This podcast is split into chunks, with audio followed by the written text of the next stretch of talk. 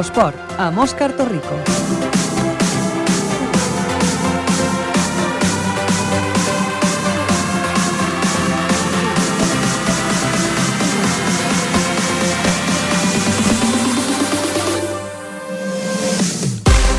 Molt bona tarda, benvinguts a l'Infoesport, aquest el programa dels esports aquí a Ripollet Ràdio. Un dilluns més, estem aquí, tot l'equip de l'Infoesport, per explicar-vos el que ha donat de si la jornada del cap de setmana, cap de setmana una miqueta més llarg amb el dia de festa del divendres i en el qual doncs, eh, alguns equips no, no han disputat jornada, però molts sí ho han fet, la majoria. I la veritat és que ha estat una jornada bastant, bastant positiva, excepte en el futbol, que les coses no han anat eh, tan bé, doncs en la resta d'esports hem tingut bones notícies.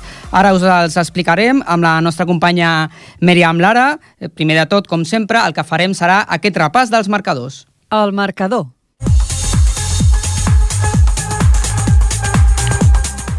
Doncs començarem aquest repàs de resultats. Pel bàsquet, Mèriam, bona tarda. Bona tarda, Òscar. Primera catalana masculina, Club Bàsquet Ripollet 82, Nou Badia 74. Important triomf dels blaus que els manté en la tercera posició de la classificació.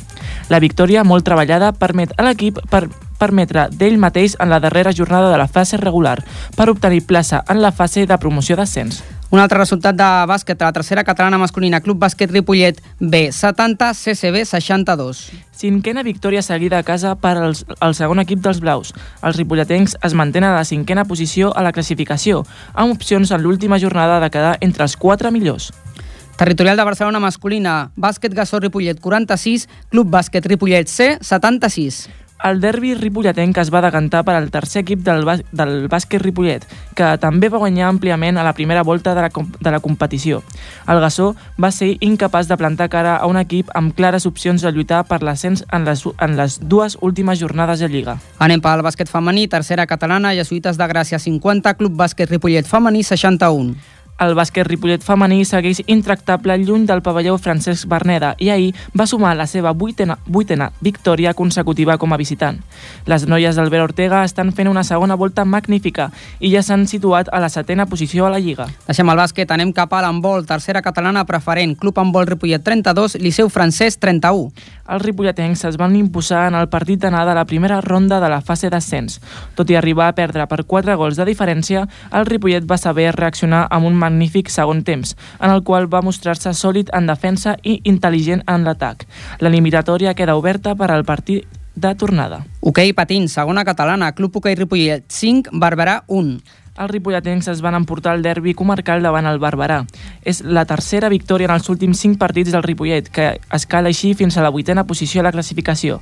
Després d'una primera volta decepcionant, l'equip intenta tancar la Lliga amb una altra cara. Canviem d'esport una altra vegada, anem cap al futbol. A la segona catalana, Singerlin, un club de futbol Ripollet, un. Els ripolletens només van poder sumar un punt en la seva visita a Santa Coloma de Gramenet.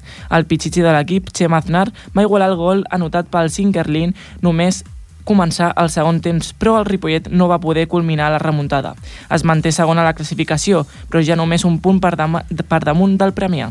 Tercera catalana de futbol, Atlètic Sant Just 1, Escola Futbol Base Ripollet 1. Tercer empat consecutiu a domicili per a l'escola, que passet a passet ha aconseguit mantenir la categoria de tercera catalana. Tot i marxar al descans per darrere el marcador davant un equip que lluita per l'ascens, els ripolletens van seguir lluitant i Miguel Serrabona va fer el definitiu gol de l'empat. Un altre resultat de tercera catalana, Castellà 1, Penya Deportiva Pajaril 1. Minuesa va avançar els ripolletens al minut 71, però els locals van empatar amb rapidesa i el marcador ja no es va moure més. L'empat manté a l'equip entre, entrenat per Marc Cogolludo en la cinquena plaça de la classificació. I a la quarta catalana masculina de futbol, la Romànica 11, Camp Mas Ripollet 1. Davant el segon classificat, el Can Mas va encaixar la major gol- golejada de la temporada. Va ser contínuament desbordat en defensa, en especial per Dani Domínguez, que va ser l'autor de 7 dels 11 gols de l'equip del Barberà. Els ripolletens són descens a la classificació. En el futbol femení, segona catalana, Club de Futbol Ripollet femení 1, Manu Lanzarote 9. El líder va passar pel municipal com un ban bandaval. Les ripolletenques, amb només 10 jugadores, van aguantar les embestides a la primera meitat, que va acabar 1 a 2. Però en la darrera mitja hora, quan les forces ja faltaven, les visitants es van fer un fastí de gols. I l'altre resultat dels equips ripolletens a la segona catalana femenina de futbol, Escola Futbol Base Ripollet femení 4, Atlètic Vallès 1. Fantàstic triomf de les ripolletenques, que els permet abandonar la darrera posició de la classificació. Dos gols de Judit i altres dos de Sara van permetre que l'equip s'acomiadi de la temporada al camp de l'Industrial amb bon sabor de boca. I acabarem aquell repàs dels marcadors amb el futbol sala, amb dos resultats. El primer a la tercera divisió nacional, futbol sala Ripollet B5, Lloret Costa Brava 4. El segon equip del futbol sala Ripollet es va retrobar amb el triomf després de 5 derrotes. Els gols de David de Gomar i Víctor Contreras va fraguar la victòria i van permetre que l'equip abandoni la darrera posició de la classificació, tot i que ja no podrà, no podrà salvar del descens. I a la tercera divisió catalana del futbol sala masculí, Can Mas Futsal Ripollet 11, Tona Futbol Sala 2 el Can Mas no va tenir clemència amb un dels equips més fluixos de la categoria i es va consolidar a la segona plaça de la classificació, que li donaria el bitllet per a l'ascens. L'equip va dominar sempre el joc i va deixar el marcador sentenciat ja en la primera meitat. Cinc gols de Marc Martín i altres tres de Carlos Carvajal van liderar la golejada. Doncs moltes gràcies, Mèriam. Gràcies. Fins després. Doncs aquest ha estat el repàs dels resultats. Eh, D'aquí en endavant us explicarem doncs, alguns d'aquests resultats una mica més pormenoritzadament, estarem, entrarem en detall i també altres coses, parlarem de ciclisme, parlarem també de, de gimnàstica, parlarem de diferents esports, així que no ens deixeu. Fins a les 8 de la tarda, aquí a l'Infoesport. Seguim. Amb vol, amb vol. Amb... Doncs efectivament avui comencem parlant d'handbol, perquè el Club Handbol Ripollet va començar dissabte la seva participació a la fase d'ascens a la segona catalana.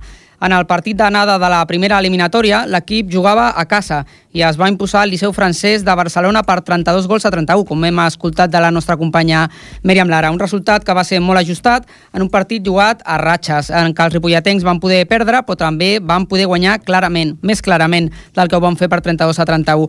El Liceu arribava ferit perquè se li havia escapat l'ascens directe amb dues derrotes en els dos últims partits de Lliga, però potser per això el primer temps va jugar doncs molt, molt concentrat, molt, molt més que el Ripollet, com a mínim. Després d'uns minuts d'intercanvi de gols, els visitants van marxar de, de 3 gols al minut 19. Eren els pitjors minuts aquells dels ripolletens, amb una defensa molt i molt tova i errades a les passades en el joc d'atac. El tècnic ripolletenc va demanar llavors un temps mort, eh, però amb una inferioritat local el joc no, no va poder millorar i no, no es va poder iniciar la remuntada. Només les parades de, del porter ripolletenc mantenint l'equip dins del partit i el descans s'arribava amb aquest avantatge de 3 gols per als barcelonins, 16 a 19. El Liceu havia arribat a tenir un màxim avantatge de 4 gols, però per tant havien retallat un, però seguien aquests 3 de distància per part de, del Liceu francès. Però després de passar pels vestidors, el partit va fer un canvi radical, totalment radical. De fet, el Ripollet va ser qui va fer aquesta transformació. A les parades del meta ripolletenc que continuaven, s'hi van sumar una defensa molt ben plantada i atenta als talls i també eh, i, i va, va fer, i que va fer les faltes quan era necessari.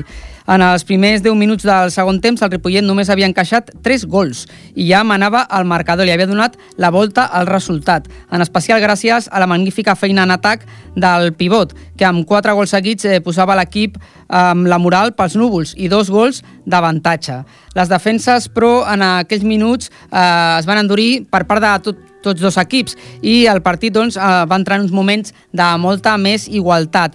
Però va ser llavors quan el Ripollet va aprofitar el joc a la, el joc a la contra per prendre distància, gràcies en part a, als dos gols aconseguits per, per uh, l'Adrià Jordana, que, que va aconseguir doncs, ampliar eh, la distància des de l'empat a 27 fins a 4 gols de distància per al conjunt ripolletenc, 32 a 28, quan quedaven només 5, 5 minuts. 5 minuts per acabar i l'equip visitant, que només havia fet 9 gols, però llavors el Liceu va fer un acte de recuperació i va aconseguir que el Ripollet seguís, eh, es fiqués en el joc ràpid i nerviós que buscava el Liceu i que li va beneficiar, perquè en aquests 5 minuts el Ripollet no va poder marcar, però en canvi el Liceu doncs, va retallar les distàncies fins al 32-31 final amb 3 gols, un, dos d'ells gairebé en els últims 35 segons de partit. Al final d'aquest enfrontament vam parlar amb la Dia Jordana i ens va explicar això.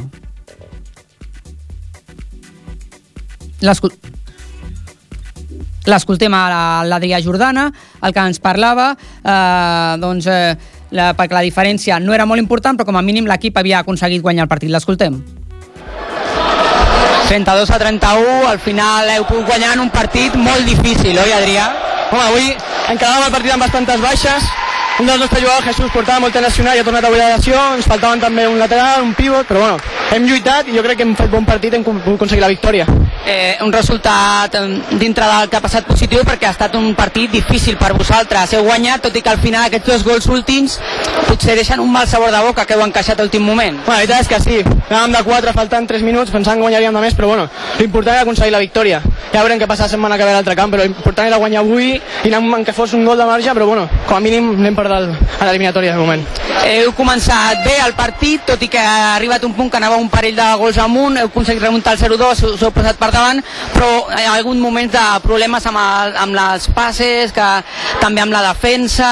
Què heu pensat en aquell moment que veieu que, que els rivals doncs, s'escapaven? Ens hem precipitat, hi ha hagut 5 minuts que hem jugat molt precipitat, massa ràpid, però bueno, sabíem que si jugàvem amb el nostre lloc podíem aconseguir la victòria i bueno, la segona part hem sortit bastant millor, hem pogut posar per davant de seguida i continuar molt bé.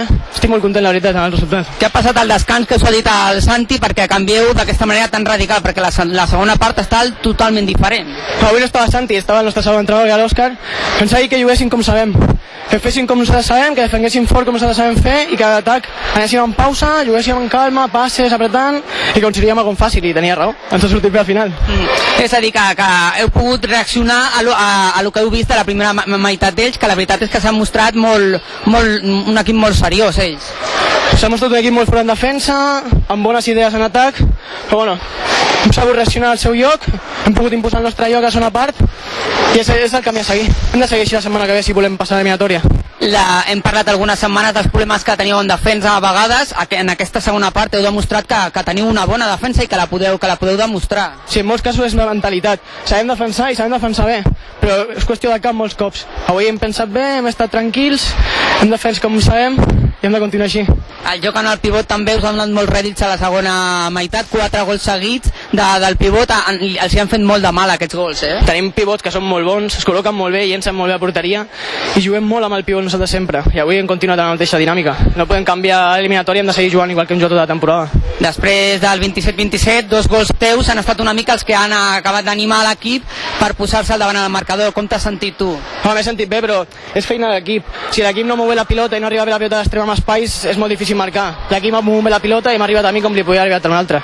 És qüestió d'equip. Un gol de marge és poc marge davant un equip que és sòlid, com s'ha mostrat avui, per anar al a la seva pista de propera setmana? Home, és poc marge, però és, jo crec que ha de ser suficient marge com per poder afrontar el partit amb confiança i poder passar a l'eliminatòria. Però no hem de pensar en el gol, hem de sortir a guanyar igualment, hem de sortir per tot des del començament i continuar com hem acabat avui. La mentalitat, no? Sobretot perquè aquesta temporada us han costat els partits a fora de, de la vostra pista, us han costat una mica tirar-los endavant, hi han hagut poques victòries. Com veus que, què creus que és el que ha de canviar perquè, perquè eh, pugueu passar a l'eliminatòria? Hem de sortir com quan juguem a casa. Hem de sortir intensos en defensa, hem de sortir fent bé les coses en atac i no hem de pensar que juguem fora. Suposo que la setmana que no tindrem, no tindrem baixes, com ens ha passat tota la temporada que quan jugàvem fora faltava gent. Suposo que la setmana que serem tots i jo confio, confio en nosaltres, confio que passarem. Doncs moltes felicitats, que hi hagi sort. Moltes gràcies. Doncs aquestes eren les paraules de l'Adrià Jornada, Jordana, el jugador del Club Handbol Ripollet, que recordem que aquest dissabte jugarà el partit de tornada d'aquesta primera eliminatòria de la fase d'ascens. Recordem que són dues eliminatòries les que ha de guanyar l'equip per poder ascendir a la segona catalana. En aquesta primera eliminatòria, primer partit 32-31, a la tornada aquest proper dissabte a les 7.30 de la tarda al pavelló de la Universitat de Barcelona, allà a la Diagonal, al, molt a prop del Camp Nou, doncs jugarà l'equip i intentarà, doncs, eh, com a mínim empatar, i si no, doncs, eh, perdre d'un gol que sigui amb una, amb, amb, amb una suma de gols menor dels 32 a 31 que, que ha aconseguit en aquest partit d'anada. Esperem que així sigui, que pugui estar a la segona eliminatòria per l'ascens al club amb vol Ripollet. Futbol, futbol. Doncs ara canviem d'esport, anem cap al futbol i ho fem de la mà del nostre company, el Marc Mata. Marc, bona tarda. Bona tarda, Òscar. Ens parlarà el Marc del resultat del Club de Futbol Ripollet, un empat aquest cap de setmana. Així és, el primer equip empata amb el Singerlin i manté la plaça de promoció en un partit des dels que fan patir. Ahir diumenge el Ripollet va empatar al camp del Singerlin per 1 a 1. Va ser un partit complicat, com els quatre que li resten, per a, qui, per a que pugui optar a promocionar l'ascens a primera catalana. El Juan Carlos Torres va fer debutar el Damián Festa a l'eix de la defensa i l'equip va, eh, va entrar endollat tot el partit, sota un intens sol. La primera part va ser de domini ripolletenc fins a la mitja hora. El David va disposar d'un 1 contra 1 i el Borja i el Xema estaven especialment entonats en el joc, però mancava definició. En un teva meva, el Singerlin trencava la línia defensiva dels roig i negres, el Mampel derribava a un jugador colomenc i el, i el col·legiat va assenyalar penal. El Mampel endevinava les intencions del davanter del Singerlin que estavellava la pilota al pal dret de la porteria ripolletenca. El conjunt dirigit per Juan Carlos Torres, que va tenir els seus pitjors minuts amb cert descontrol passat al penal. Al poc de començar la segona part, el Serrano va fer una mala entrega en defensa i el regal l'aprofitaven els locals per fer pujar el marcador l'1 a 0.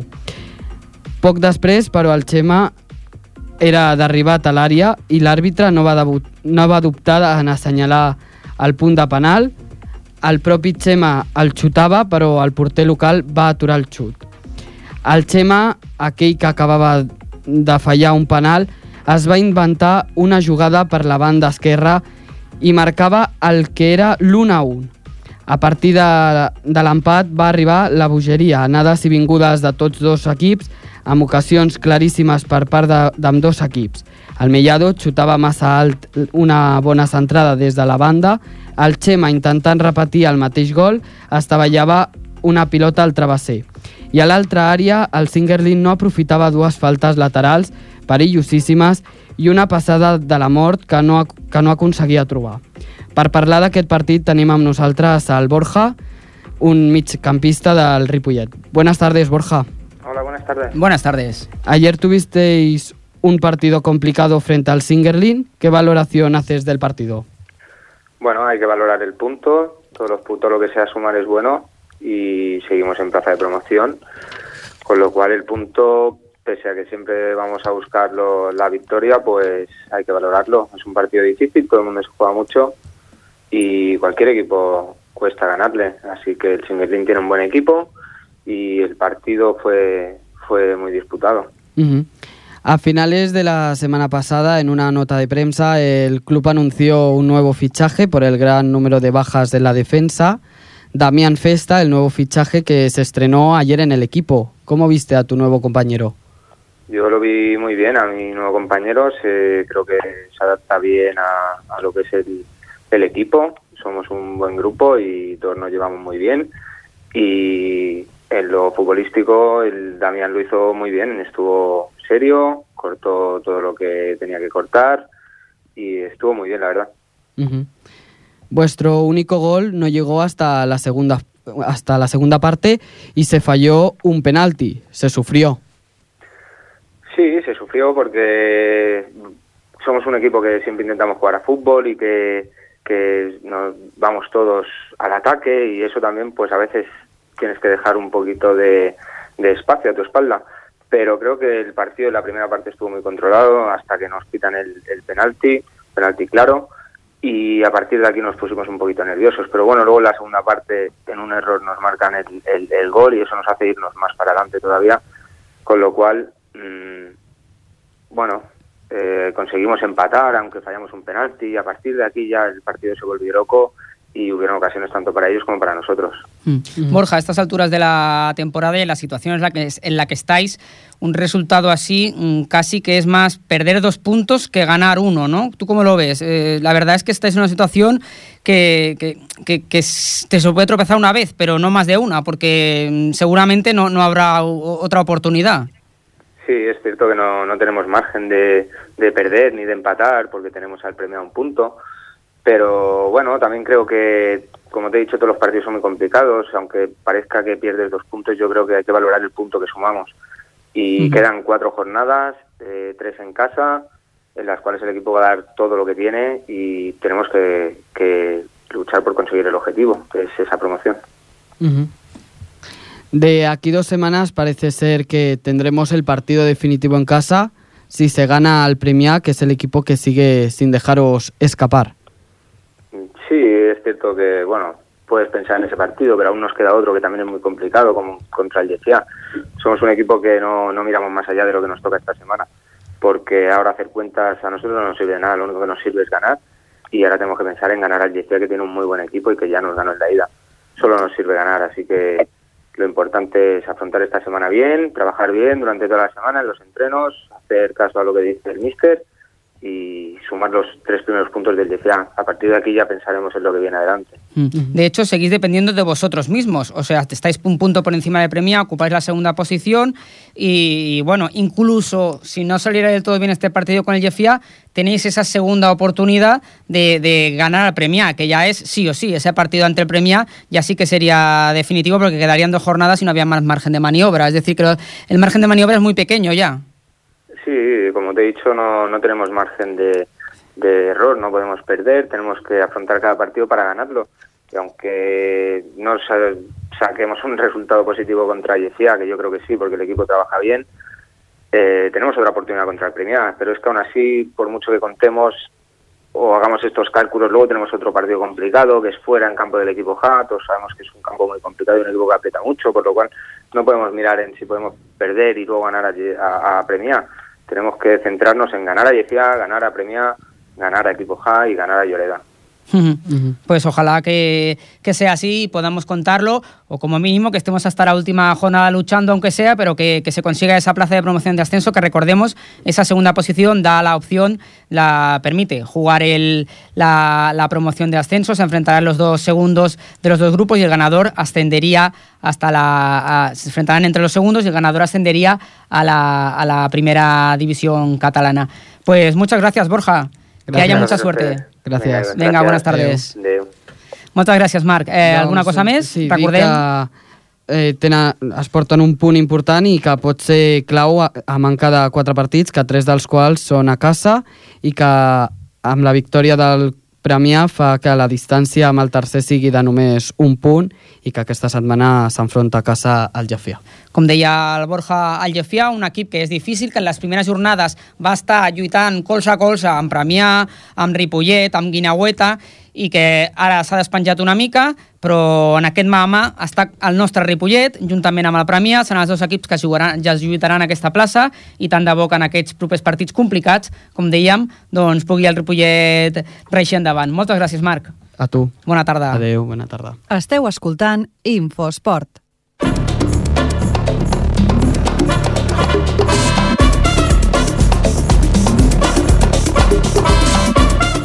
Doncs no deixem el futbol, eh, ara parlarem de l'Escola Futbol Base a la tercera divisió catalana, una categoria per sota del Club de Futbol Ripollet, i ho farem amb el nostre company, el Manuel Barol. Manuel, buenas tardes. Hola, Oscar, buenas tardes. ¿Qué nos cuesta sobre el partido de la Escuela Fútbol Base?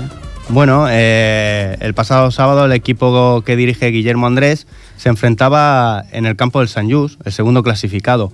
Era un partido complicado en el cual el equipo de la escuela del fútbol base Ripollet visitaba San Just eh, para intentar buscar de ganar algún punto para alejarse más del, descenso.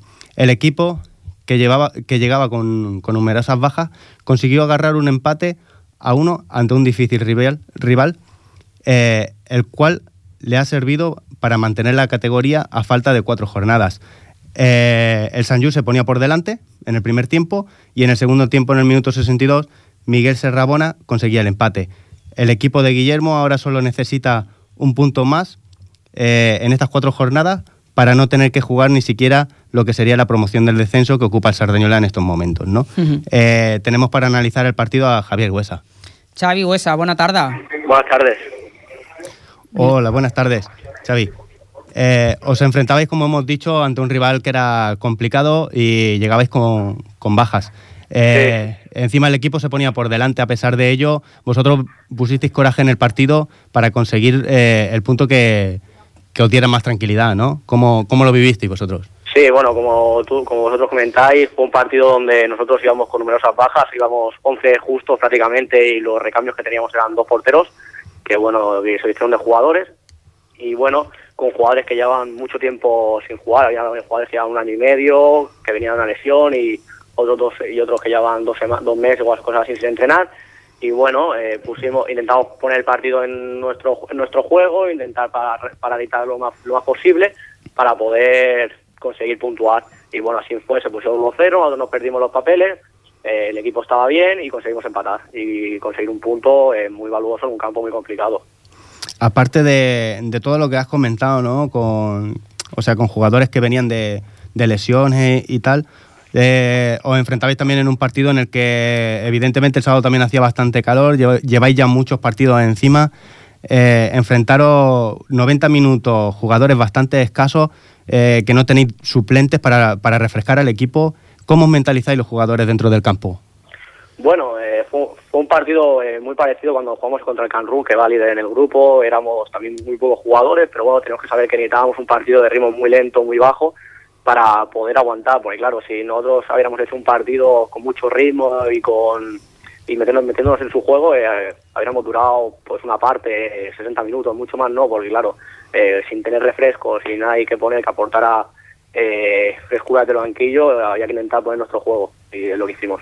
Claro, porque eh, el cansancio, o sea, mm, se nota, en el campo se va notando. Y, y si la mente no está fresca, el partido se te puede ir tranquilamente. Sí, pero bueno, cuando tú todavía te ves ahí con opciones de rascar algún punto, conseguir ganar un partido o algo, eh, donde no llegan las piernas y la cabeza te llega al corazón y apretas con coraje hasta, hasta donde puedes y intentar rascar algo. ¿En partidos así crees que el equipo está más unido? Sí, sí, sí, estos partidos son los que hacen piña y eh, lo ganan los jugadores y el vestuario y nos hacen más fuertes todavía. ¿Creéis que el objetivo ya está, ya está conseguido o, o cómo lo veis? vosotros? Bueno, hasta que matemáticamente los números no digan lo, no digan que está hecho, eh, hay que seguir puntuando y esta semana pues intentaremos ganar para sumar tres puntos más y estar tranquilos de cara a final de temporada. Pero ya 11, 11 puntos en 12 que quedan por disputar, tendría que ser una hecatombe prácticamente, ¿no? Es decir, muy mal se os tendría que dar y muy bien le tendría, se le tendría que dar a los dos equipos que están ahora ocupando la plaza de descenso y de, y de promoción. Se puede decir prácticamente que con estos últimos empates que habéis ido sumando las últimas jornadas, esto ya está salvado, ¿no? Sí, bueno, a ver, como vosotros decís, prácticamente, claro, 11 puntos que 11 puntos de ventaja sobre los que están en la, en la zona de, de descenso. Como vosotros decís, eh, sería una eh, meternos ahí sería una cosa increíble, pero eh, mejor tener los puntos, seguir consiguiendo las victorias que además eh, nos las merecemos por cómo estamos trabajando y todo eso y mejor ganar que dejar pasar y esperar ahí. A la Eh, última que jornada, ¿no? correcto, Mejor, correcto. mejor no esperar a la última jornada. Correcto, correcto. Claro, eh, lo único que podría pasarle a la escuela es que tuviera que, que jugar la promoción del descenso, porque ya eh, descender matemáticamente no descendéis, lo único sería la promoción del descenso. De estos cuatro partidos que os quedan, eh, tenéis dos rivales complicados que jugáis vosotros en vuestro propio campo contra la Escuela Bárbara y la Planada, y luego jugáis fuera dos partidos que son bastante asequibles, uno contra el Castellá, que está en zona de descenso, y otro el Marina, que sería el más próximo a poder promocionar para el descenso. Eh, siendo vosotros el equipo que más empate ha cosechado, conseguir un punto tampoco tiene que ser ya muy difícil. No, no, y bueno, como, como se está viendo, eh, cuanto más difícil tenemos la situación y el partido más difícil es, eh, más nos crecemos y más y conseguimos puntuar. Cuando tenemos que proponer, por ejemplo, tenemos que ser el equipo que, que necesitamos, que somos muchos cosas así, eh, nos cuesta más, pero cuando somos pocos y, y la situación es un partido complicado, es cuando más, estamos, más unidos estamos y conseguimos puntuar. Lo primero es partido por partido y ahora el próximo Correcto. rival es la escuela. Correcto, ahora nada más que empezar a preparar el partido contra la Escuela Alvará y bueno, intentar conseguir esa victoria que ya nos, nos haga olvidar de todo y disfrutar las últimas tres jornadas de liga. Pues que haya mucha suerte, Xavi Huesa. Gracias por atender a los micrófonos de, de InfoSport aquí en Ripollet Radio. Muchísimas Vamos, gracias. Venga, un abrazo. Gracias. Hasta luego. Muchas gracias, Manuel Barón. A ti, y nos seguimos viendo por aquí los lunes. Muy bien. Gracias. Venga, hasta luego. Bàsquet, bàsquet, bàsquet.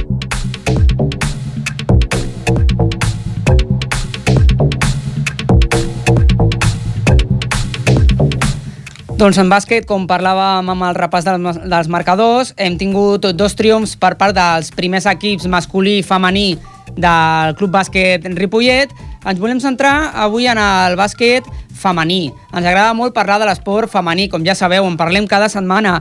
I avui doncs, no volíem deixar passar l'ocasió, l'oportunitat de poder fer-ho doncs, amb l'entrenador del Club Bàsquet Ripollet femení amb l'Albert Ortega perquè creiem que, que, que el que està fent l'equip eh, és molt bo. És una, és una, una ratxa molt positiva, com us dèiem en el, en el repàs dels marcadors, l'equip femení va guanyar els jesuïtes de Gràcia ahir a la tarda per 50 a 61, per tant, en un partit a domicili, i cal dir que, que a domicili és on se li estan donant millor les coses en aquesta segona volta a l'equip, que lluny del Francesc Berneda ha aconseguit 8 victòries consecutives, 8 partits seguits lluny de, de casa guanyant. És un, una, una ratxa doncs, molt, molt bona per part de les noies d'Albert Ortega i intentarem eh, parlar amb ell a veure que ens, que ens valori doncs, com, com veu ell eh, aquesta situació perquè l'Albert recordem que va, va agafar l'equip eh, ja a començar de la temporada, eh, ja al mes de, de desembre gairebé, i doncs ha aconseguit doncs, un revulsiu en un equip que, que, que no tenia una, una dinàmica molt positiva, però que finalment doncs, ha, ha pogut eh, redreçar la situació i ja està a la setena, a la setena posició de la classificació, recordem-ho. Tot i això, doncs, l'equip no podrà eh, lluitar per, per tema de l'ascens, no podrà estar lluitant per, per pujar de, de categoria a la segona catalana, però ha fet una, està fent una molt, molt bona segona volta. Realment, doncs, amb números de- d'estar a dalt de tot, si no hagués estat per, perquè a la, a la primera temporada, a la primera volta, perdó, de la temporada, doncs l'equip, eh, com dèiem, no va, no va fer, no va fer uns, un bons re, resultats. A veure si podem tenir aquest contacte telefònic amb, amb l'Albert Ortega, amb el que volem doncs, comentar això, i també li preguntarem pel bàsquet masculí, perquè ell és jugador de l'equip del primer equip masculí, i aquest cap de setmana l'equip ha guanyat, l'equip masculí, així que també li preguntarem per això, però sobretot el truquem per parlar de les noies, per tot això que, que us comentàvem. Eh, intentarem ara, ara sí, penso que podrem parlar amb l'entrenador del Club Bàsquet Ripollet Femení, l'Albert Ortega, que ja està a l'altre costat del telèfon. Albert, bona tarda. Hola, bona tarda. Quina ratxa, 8 victòries seguides a fora de casa del Club Bàsquet Ripollet Femení, eh? Com esteu? Sí. Bueno, estem, estem treballant molt bé i això eh, es veuen els resultats, sí, sí. Mhm. Com, com, com t'ho has fet perquè l'equip doncs, canvi radicalment a la situació de la, de la primera volta? Eh, jo crec que és un tema de, de treball, com he dit ara, i de confiança, com us vaig dir en l'entrevista que vaig anar allà, Mhm. a, a la ràdio en persona. Sí. I, I a partir d'aquí estem treballant, eh? És a dir, és a dir som, som millors del que ens pensàvem que érem, i això no en tinc cap dubte, i a més a més estem sent millors del que érem en aquell moment. Repeteixo, és un tema de treball, treballar, treballar, divertir-nos, sobretot divertir-nos jugant, i després, clar, si les coses van sortint, si els resultats acompanyen, doncs, com sempre, quan la dinàmica i el tarannà és positiu, tot sembla més fàcil. Però és una qüestió de, de, de confiança en nosaltres mateixes i en les coses que estem fent. Mhm. I Per- això no està portant on estem. Albert, parlàvem fa això, tres mesos i mig, quan vas venir aquí al, al programa i et vas asseure aquí a, a Ripollet Ràdio, que, que, que, que tu veies que, que, que la mentalitat era important, no? Però també és difícil quan els resultats no arriben, no? Imagino mentalitzar les jugadores de que poden donar-li la volta a, la- a, al mitjó, a la situació. Això mateix, això mateix, és un, un tema de confiança cega pràcticament, perquè com també us vaig dir, arriba un moment en què tampoc tens, tens solucions, perquè tu dius, estem entrenant bé i les coses no surten. Doncs clar, qui, qui, qui els hi pots dir a les teves jugadores quan elles veuen que s'estan esforçant, que estan lluitant i no? Bueno, doncs a vegades una, un detall en un partit fa que el treguis endavant i això et dona un plus de confiança de cada setmana seguent i comences a guanyar, a guanyar i a guanyar. I ara mateix jo crec que som l'equip més complicat eh, a guanyar de la Lliga, no en tinc cap dubte. Uh -huh. Diem, hem dit ja que la segona volta doncs, està sent magnífica, platòrica gairebé, amb aquestes victòries a domicili seguides i també altres victòries a casa, segurament eh, és una pena no, que aquell inici de temporada perquè eh, podríeu haver estat lluitant per, per l'ascens. Sí, bueno, és, una, és un preu que, que eh, ho, ho parlaré en, en tercera persona perquè ho entenguin millor elles, però és un preu que, que han de pagar elles, és a dir, si van decidir treballar a partir de la mitja de temporada, doncs tenen les seves conseqüències, saps què vull dir-te? Vull dir, Mhm. si, si no treballem els dos tres primers mesos i comencem a fer-ho aleshores, doncs se'ns comporta, doncs potser no està lluitant per, per les posicions capdavanteres. Uh -huh. Però, però clar, a, a partir d'aquí comences a treballar, hi ha canvi d'entrenador, hi ha canvi de dinàmica, comencen a sortir les coses, tot això comporta un període, un temps, i, i bueno, tot, tot està molt bé.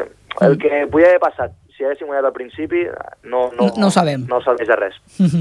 Eh, de tota manera, això també per les jugadores segur, i fins i tot pel tècnic, és una experiència, no? És a dir, aconseguir eh, donar la volta a aquesta situació, eh, això segur que, que deixarà alguna experiència en, en totes les jugadores i en tu també per, per, per afrontar la resta de, de elles, de, de la seva mm, de les seves temporades que puguin jugar i tu del que, del que puguis entrenar.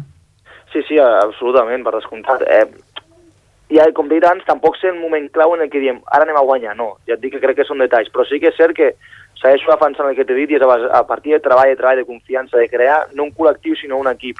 D'acord? El partit d'ahir és dels millors partits que hem fet aquesta temporada i jo les vaig felicitar.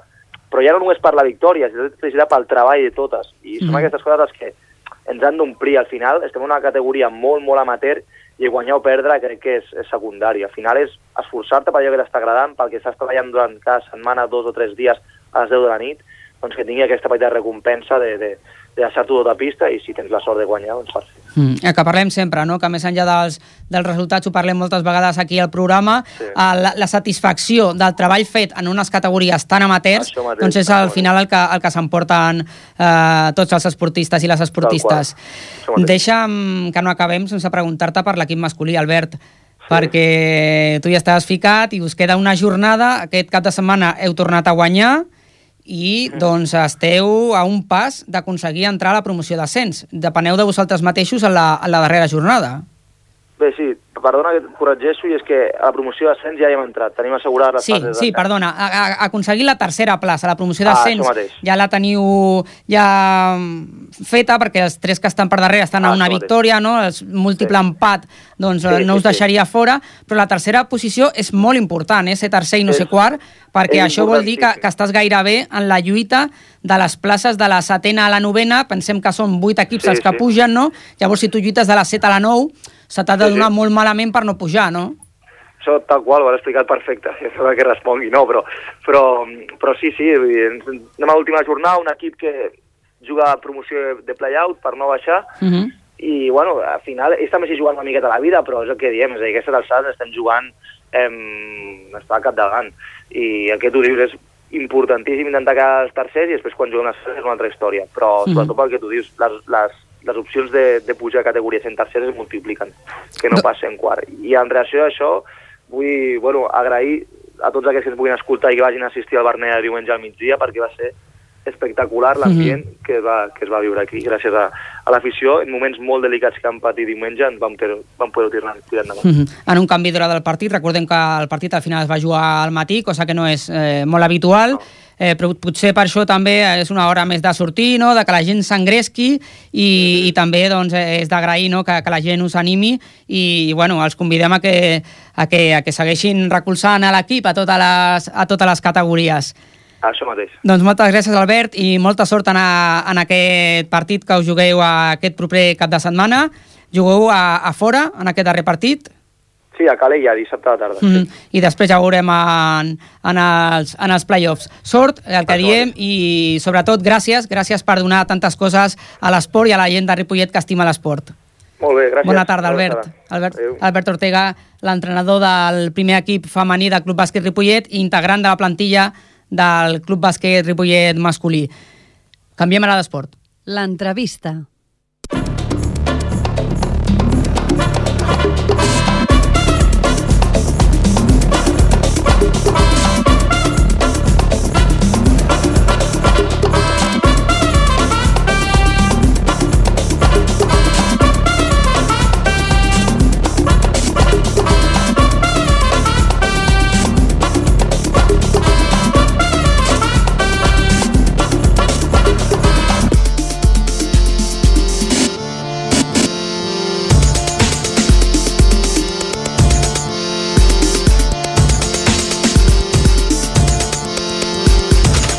Doncs per parlar en aquesta entrevista de la setmana, el nostre company, el Brian Calvo, que és aquí. Bona tarda, Brian. Bona tarda, Òscar. Eh, ens farà una, una xerrada, ens explicarà una miqueta, aprofundirem en ciclisme, veritat? Sí, el passat diumenge 12 d'abril eh, es va celebrar un, la primera jornada de, de l'any eh, pel que fa a les sortides femenines del Club Ciclista Ripollet i hem aprofitat per portar a dos vocals del club, el, com som el Rafa Moya i el Pepe Martínez, i bueno, sal salutacions, bona tarda. Bona tarda, Rafa i Pepe. I el primer que li volia preguntar al, al Rafa, per començar, eh, esteu satisfets amb, amb aquesta primera jornada, la quantitat de, de participants? Doncs sí, molt, molt. Ja t'ho dic, perquè per ser la primera de- d'enguany i d'aquest calendari doncs van venir nou noies. I molt bé, molt bé. I esperem que vagi en augment. Eh, És una experiència que ja ve de l'any passat, eh? La ve posar en marxa l'any passat aquesta Sí. experiència de la BTT en les dones. Sí, sí, tens raó, però no va tenir massa encert o no ho vam enfocar, no sé. Ressò, li va faltar una mica de ressò. A vegades Sí. ens falta arri arribar a la gent, no? Això mateix. Eh, el, bueno, el, el club en, al principi no és que estigués destinat només a homes, però estava més format per homes. Per, per això, creieu que amb aquestes jornades apropeu el ciclisme a les, a les dones de Ripollet? Eh, és, un, és un dels objectius? Evidentment que sí, i és l'objectiu que ens, ens hem proposat com a club, no? I, bueno, penso que sí, que... Aviam, el club està eh, més bé per homes, no? Sí. Sobretot el tema de, de bici de carretera, ¿vale? Mhm. però s'incorpora un grup o petit grup de BTT. A llavors, també volem treballar sobre el tema del BTT i, evidentment, incorporar, po- si és possible, a, al grup femení, que són les dones. I, I per fomentar també el que feu és que en, les dones poden anar amb les seves parelles o Ah, sí, evidentment que sí, sí, fills. sí. Si alguna noia o dona diu que pot venir el meu marit o el meu amic, pot venir tothom. Com si un noi sol ve i s'apunta, escolta'm que vine, no li direm que no a ningú. Mhm. Preguntar-li al Pepe eh, les característiques que ha de tenir una bicicleta de BTT. Bueno, normalmente la- las características, pues una bicicleta pues que eh, normalmente pues vaya bien, que no, que no se averíe en medio del camino, ¿no? Aunque siempre llevamos pues cosas de recambio, algún, alguna llavecita para poder arreglar algún pinchazo, alguna cosa así, ¿eh? para que se pueda continuar el camino, ¿no? En esta primera etapa, pues bueno, no, no hemos tenido ningún incidente, o Ujú. sea que Eso ya ha, una- ha ido, ha ido todo sobre ruedas, digamos. un- es una muestra de que como mínimo la gente hace un mantenimiento de las Sí. bicicletas que es muy importante, Sí, ¿no, eso Pepe? es, sí. Imagino que es muy importante y también pues tiene en cuenta pues el tema de ir con casco, eh, el ir casco- bien, bien equipado eh, el, para casco, hacer... el casco sobre todo es primordial, o Ujú. sea, no, no, no vamos a salir con una persona que no lleve casco. O sea que... Vos- ¿Vosotros podéis facilitar algún material extra? Si, por ejemplo, una persona se presenta sin casco, ¿vosotros le dais? Bueno, yo no- normalmente no tengo ningún, solamente llevo el mío, ¿no? Sí. Ahora, el Rafa, pues bueno, tiene, tiene, en su casa tiene un pequeño taller allí montado y tiene bicicleta y está también, pues, que a veces, pues, le ha dicho a alguna chica de que también le puede dar alguna Si bicicleta. no tienes, yo te lo dejo un día, ¿no? Pero al Sí. segundo te lo compras ya porque seguro que te gusta y te lo vas a comprar, ¿no? Sí. o sea, que estamos dando mm, facilidades para que el ciclismo en Ripollet pues siga, sigan adelante. Y cabo es el objetivo de, de Ese es el jornadas. objetivo, pero primordial, ¿no? Eh, poder, no tanto chicas, también chicos jóvenes, eh, pues que chicos que andan por ahí a ellos solos con la bicicleta, ¿por qué no se pueden unir al club ciclista? Y Eh, además hay que decir que hay monitores y gente especializada en ciclismo que sí, les acompaña. Sí, sí, no, no, es que toda, todos los que estamos en el club ciclista somos ya personas ya mayores. Sí. O sea, el Rafa tiene 60, pero yo ya soy jubilado. veteranos, vamos a decir veteranos. Eh, veterano. Eh, yo tengo 68 y voy en bicicleta. O sea. Sí, la edad eh, pero bueno, eso, eso quiere decir porque tenemos un poquito de, de- de cosas de que no pasen en nada eh, durante la ruta y tal. Y es una demostración de que el ciclismo es un deporte, Eso o practicar es. la bicicleta como es un deporte que, que tiene mucho recorrido hasta Sí, una edad sí, sí, sí, muy, claro, claro. muy, Mien- muy- muy mayor. Mientras te encuentres bien y puedas poner el pie en el suelo, no te caigas, pues puedes Desde correr. un niño con 10 años hasta, como Eh, comentamos eso- aquí los, es, eso es. nuestros entrevistados que, que tienen más de 60. Está abierto para todos. Eso es. Eh, bueno, la- las, las próximas jornadas que habéis organizado son para que se entere el público el 17 de mayo, 14 de junio, 12 Sí. de julio, 20 de septiembre y 11 de octubre. Sí. Para el 17 de mayo ya está planificado el lugar y los kilómetros que serán. Sí, eh, más o menos haremos de aquí hasta San Adrián del Besós, todo por el carril bici. Luego allá nos desviamos para el Puerto Olímpico de Badalona hasta el Masnou, más o menos. ¿eh? Eso quiere decir pues que ahí tenemos un trayecto entre 35 y 40 kilómetros. ¿eh? O sea que mm, es una cosa que para un paseo está bastante bien. Es un trayecto fantástico. La ¿Eh? verdad es que lo- le- les animamos a las Sí. chicas y a los chicos, a quien quiera, porque la verdad es que es un trayecto precioso y que lo van a pasar muy bien. Y ya para acabar a, a Rafa, preguntarle que nos recuerde que- qué tiene que hacer la gente para inscribirse en estas salidas. Bueno, pues se tienen que dirigir a... Sí, a Salvador, para sí. José. Bueno. Pero si me permites, en un Sí, momento... sí, eh, dime. sempre, por favor, que lo han de fer amb, amb antelació. M'explico. Mhm, clar. Perquè el club s'ha preocupat de fer una assegurança amb la federació, vale? Sí. a càrrec del club, Mhm. evidentment, i per això tenim de, de saber de la gent que ha de venir, doncs, per exemple, si la sortida és diumenge, com a mínim A dijous, principi de la dijous setmana, mitja setmana, no? i s'han d'adreçar aquí, ara el Pepe t'ho diu. No ens hem d'esperar a l'últim moment. Vinga, Pepe, digue'ns on ens hem d'adreçar. Pues tenim... Un mail i un telèfon, Sí, un no? mail. Eh, SGG... SGG... Orina... Orina. Gor- perdón, Gorina... S- Gorina... SGG Gorina... Mhm. arroba gmail.com Eh, Aquest és el mail i el número de telèfon. També tenim un telèfon? Sí, es sí, es 606 55 4014. Muy ¿Eh? bien, pues eh, espero que ya todo el mundo interesado ya lo haya apuntado todo, tiene el correo y tiene el teléfono, también lo colgaremos en nuestro Facebook hoy, así que cualquier persona pues también lo, lo puede ver ahí. Y animamos a que cuanto más participantes hayan en las próximas salidas, eh, mejor será la diversión y el deporte. Eh, Tanto en las BTT como en las ese de carretera que también hacéis. Una, una última cosa. Venga. Sí. Eh, todo esto del seguro y todo esto viene a través de la Federación Catalana de Ciclismo, ¿no? Que estamos en contacto estáis con, con el apoyo de la el Federación apoyo- Catalana organizando Eso es. esto. Entonces esto este seguro se paga a través de- de- del club ciclista. ¿eh? y entonces pues estas personas antes de salir se le toma nota Claro, se y se le pasa y ya tienen ese seguro con esa eso es, cobertura. ¿eh? por si acaso pasa- por- aquel día eh, eh, está todo cubiertos. cubierto Es fantástico, nos ¿eh? lo ponen muy muy fácil para, para participar, así que no tienen excusa. Gracias, Rafa Muchas Moya. gracias, Rafa y Pepe. Pepe Martínez. Vale, igualmente. Vale, y hasta gracias. la próxima. Muchas gracias. Vale, Gracias, gracias. buenas tardes. Vale. Febre d'esport.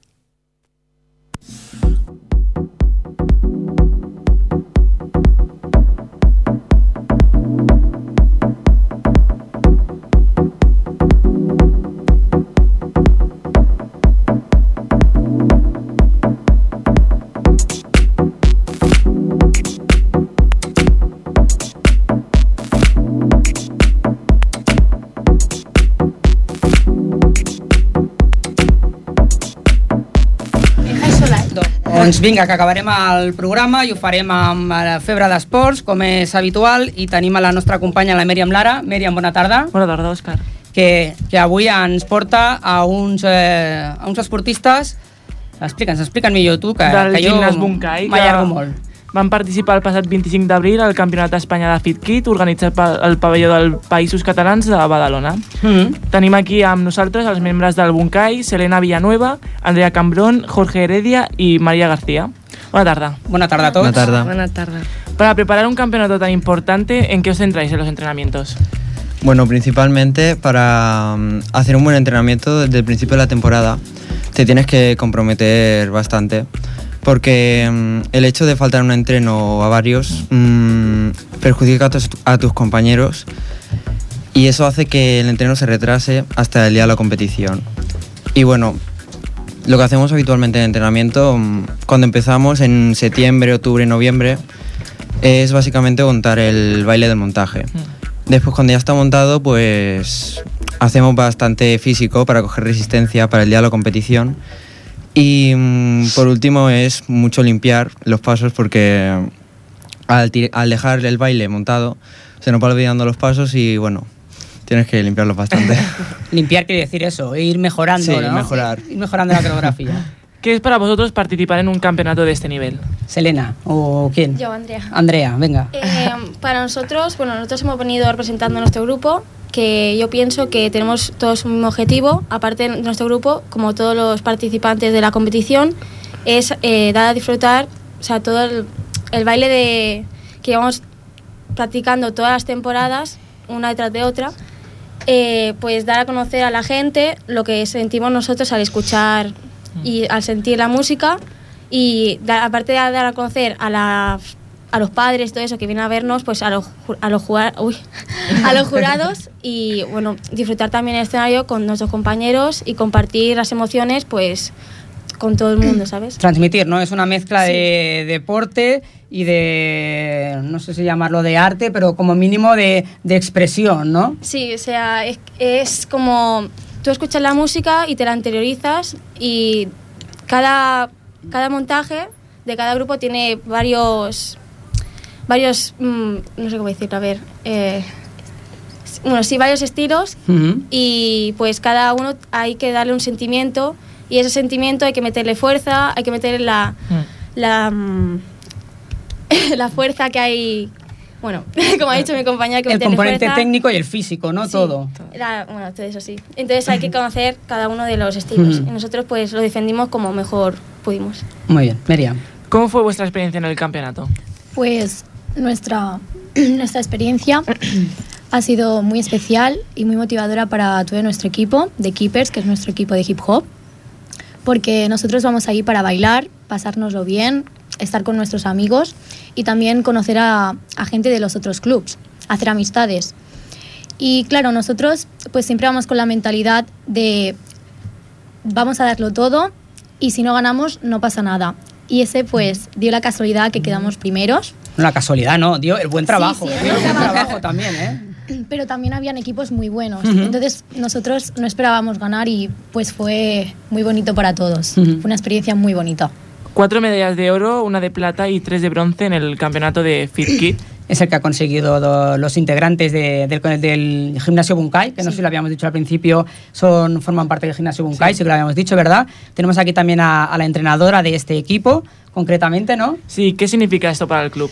Bueno, lo cierto es que para Bunkai lo más importante no es ganar, sino el hecho de que en el momento que ellos ganan o reciben un premio, están recibiendo ah, la recompensa a todo el sacrificio que han hecho a lo largo de una temporada, tener que dejar de ir a sitios, eh, tener que estar ocho horas ensayando sin parar, eh, dejar de ir a cumpleaños. mm, cenas de familia, muchas cosas que realmente se agradece que, que sean niños tan disciplinados, que Bunkai, uno de sus objetivos más claros es disciplina y sacrificio, aunque de cualquier manera siempre es lo más importante es que ellos disfruten y, y que se lo pasen el deporte, que tiene estas cosas, ¿no? Que, que nos da pues la satisfacción de pues todos los deportes como este, de, de- de tirar adelante y de que las cosas pues salgan como, como queremos. Pues muchas gracias a los cuatro, a Serena Villanueva, a Andrea Cambrón, Jorge Heredia y a María García, la entrenadora. Aquí nos despedimos. Tengo que decir rápidamente que entre otros resultados de éxitos de esta semana en el, el deporte de base, el cadete B del Club de Fútbol Ripollet se ha proclamado campeón de su grupo,